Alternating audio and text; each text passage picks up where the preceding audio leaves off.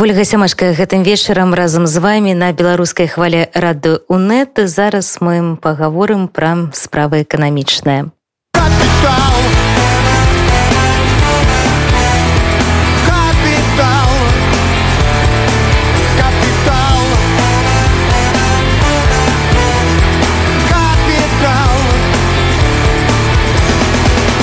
варта прызнаць што беларуская эканоміка 21 год перажыла без істотных страт нягледзячы на несуцяшальныя прагнозы якія гучалі год таму гэтаму спрыяла агульнае аднаўленне сусветнай эканомікі пасля каронавірусу спрыяльная кан'юнктура на ключавых для беларусі рынках у тым ліку і рост цен на нафту золотавалютныя рэзервы падтрымалі сродкі міжнароднага валютнага фонда такую выснову можна зрабіць з даклада першага намесніка старшыні праўлення нацбанка Сергея калешыцца на пашыраным пасяджэнні праўлення Праўда непрыемны сюрпрыз прынесла інфляцыя якая па выніках года удвая перавысіла прагноз і шчыльную наблізілася да 10 процентаў па словах Сергея калешыца такія тэндэнцыі характэрны не толькі для беларусі у астатніх краінах інфляцыя таксама б'е рэкорды По итогам 2021 года инфляция в нашей стране составила 9,97%, почти в два раза превысив целевой уровень. Однако при этом была сохранена покупательная способность доходов населения, пиковые значения темпов роста цен уже практически пройдены. На 2022 год перед Национальным банком и правительством поставлена задача снизить прирост потребительских цен до 6%. На фоне резкого роста инфляции Нацбанк вымушаны быў некалькі разоў павышаць стаўку рэфінансавання. І зараз яна складае 9, 0,25 процента але ў рэгулятары не выключылі што калі ситуация з ростом цен полепшится то ставка может быть снижена национальным банком в первом полугодии прошлого года дважды принимались решения о повышении ставки рефинансирования с 21 июля она была установлена на уровне 9,25 процента годовых э, в последующем при рассмотрении вопросов по денежно-кредитной политике ставка рефинансирования сохранялась неизменной в 22 году процентная политика по-прежнему будет ориентирована на поддержание процентных ставок финансового рынка на положительном уровне в реальном выражении.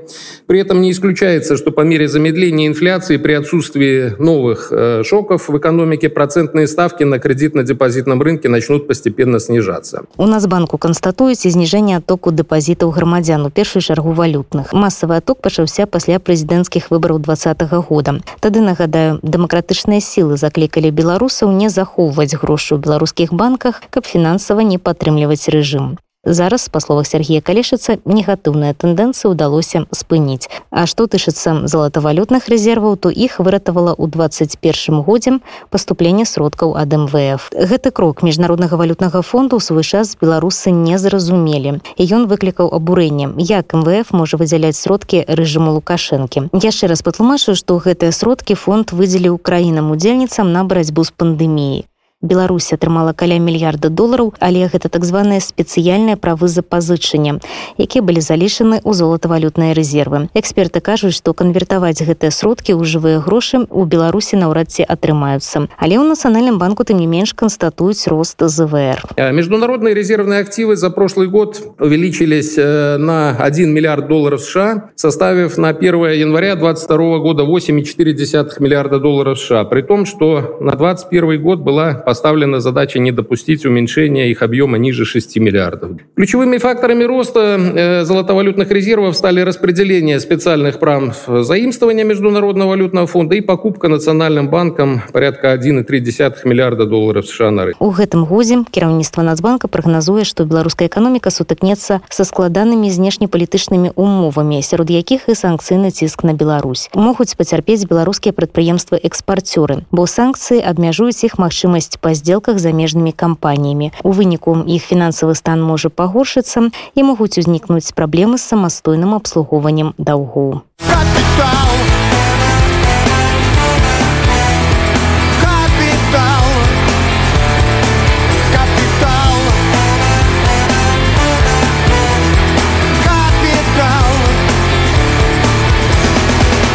А зараз мы паговорым пра справы прыватнага сектара сёння вас чакае расказ пра бізнесмена які быў вымушаны пакінуць краіну з-за палітычнага пераследу прыдарожнае кафе под віцебскам пасля падзей два года стала вядомым на ўсю краіну або менавіта там таямнічым чынам узнікалі надпісы за свету света 80 процентаў а таксама бел чырвона-белы сцяг уласнік некалькі разоў намагаўся афіцыйна перамінаваць кавярню у света 80 процентаў свет тамаша вераніка але ягоная барацьба з чыноўнікамі прывяла да закрыцця установы і ад'езду з беларусі гісторыя евгена кавалеўскага у нашай праграме меня зовут кавалевский евгений я родом из витебска и витебске у меня был бизнес до выборов это кафе придорожное в 20 километров от витебска на трассе между витебском и границей россии бизнес более-менее был успешен до 14-15 года потом ну он не приносил того дохода как бы существовал скорее всего ради работы наверное мы больше, ну, как бы и штат не хотели терять. Ну,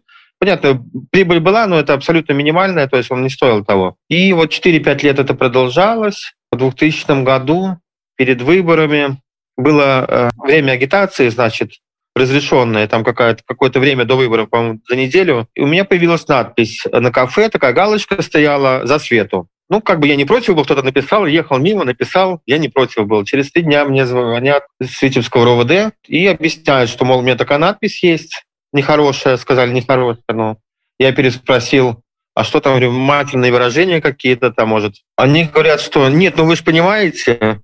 Я говорю, а что я должен понимать? Там, что там записано? Они говорят, за свету. Я говорю, да как где нецензурные выражения? За свету или там между ними что-то еще. Нет, просто за свету написано. Я говорю, ну ничего против я не имею. То есть, ну, мне не мешает, как бы, если это считается агитацией, то время сейчас как раз разрешенное, а вот буквально там за, через два дня я закрашу, если надо. Ну и, и их не устроило это. Буквально через два часа приехал э, председатель сельсовета Осипов Юрий Валентинович и зампред Витебского исполкома по экономике Семенова Снежана Петровна. Они привезли банку краски и начали закрашивать. Закрашивали, закрашивали. Там краска такая вот светлая, и не получалось у них с первого раза закрасить. Я объясняю, что надо подождать первый слой, потом 2-3 часа, пока высохнет второй слой. Ну, они торопились, торопились и как бы обязали меня закрасить я закрасил, но все равно краска проступила через день. Приехала Снежана Петровна, начала угрожать работникам, что кафе закроется, вы не понимаете, во что вы ввязываетесь. Ну, тогда я вообще отказался закрашивать. Одна работница вообще попала ну, не в больницу, стало ей плохо, давление, давление поднялось. Вот. Я позвонил Снежане Петровне и попросил извиниться. Ну, что она и сделала. Позвонила работнице, что, мол, да, там, ну, погорячилась. Короче, я закрасил эту надпись в итоге. Но этим история закончилась. Потом были выборы, и через пару дней появилась другая надпись уже «Света 80%». Проходит пару дней, 2-3 дня, выходные. Я смотрю, никто не реагирует. То есть, как бы, наверное, ну, может, не замечают они этой надписи. Звоню сам в исполком. Говорю, вот так и так кто-то ехал мимо. Ночью, наверное, кто-то приехал и оставили надпись «Света 80%». Вот. Но они говорят, так, ну, быстренько теперь сам закрашивай. Я говорю, а чего я буду закрашивать? Вы первый раз приехали, закрас, вам не нравится. Меня все устраивает. Я за Тихановскую голосовал. То есть меня надпись устраивает. Я отказался. Ну и все, они поняли свою ошибку, что первый раз закрасили. И буквально через день-два у меня уже комитет госконтроля, санстанция, пожарники. Вот. Ну и описывают кабинет, проводят там обыски, проверки свои. Вот. Была комплексная проверка, это где-то, наверное, 5-6 организаций, санстанция, ЦСМ, ну, все, кто возможно, вот все были на, на месте. То есть человек 10-15.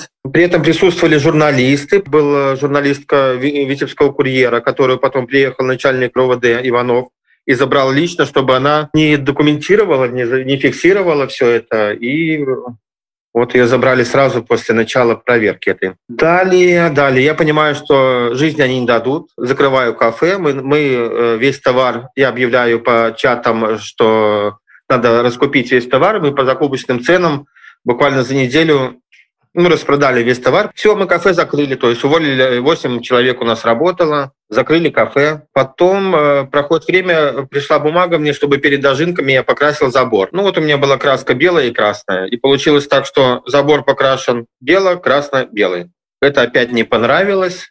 Хотя световое решение кафе э, бело-красное, то есть эта краска реально, я не покупал ее специально, она у меня была. И мы, наверное, метров 150 забора с двух сторон покрасили бело-красно-бело. Совет нашли, э, нашли деньги и купили э, зеленые краски. И вот они, сейчас они внизу пустили уже зеленую полосу. Получается бело, красно, зеленый забор у меня. Хотя я никого не просил, кафе уже закрыто, там никто не появляется год. Но вот им, им надо было приехать, есть видео, все, вот у меня фотографии. Вот они перекрасили в свой фон. Ну, я написал заявление в милицию, чтобы нашли вот этих хулиганов, которые разукрасили мне забор, забор в тот цвет, который я не хотел.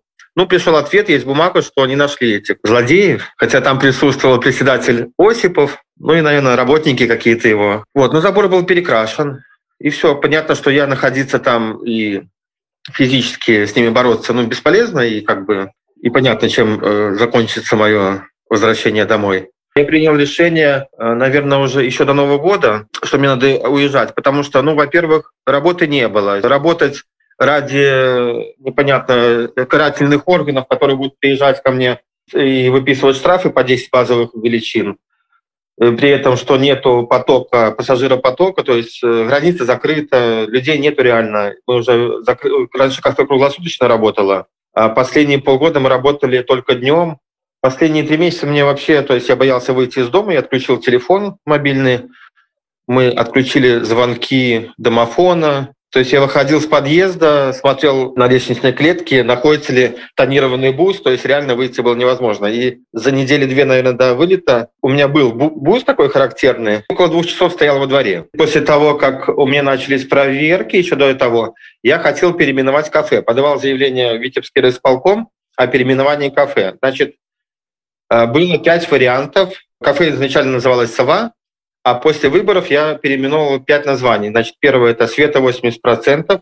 Мне отказали в связи с тем, что э, имеются цифренные какие-то обозначения, и которые вводят покупателей в заблуждение. Потом, значит, Света, Маша, Вероника тоже отказали по политическим мотивам. А, Витя, Дима, Коля тоже отказали мне в названии в таком. Потом четвертое было «Кафе для жизни» отказали. Ну, там уже под копирку было все. То есть первые, если отказали такое, нашли формулировку, присутствует что-то из-за цифр, что-то у нее придрались. Вот. А потом уже все под копирку по политическим основаниям.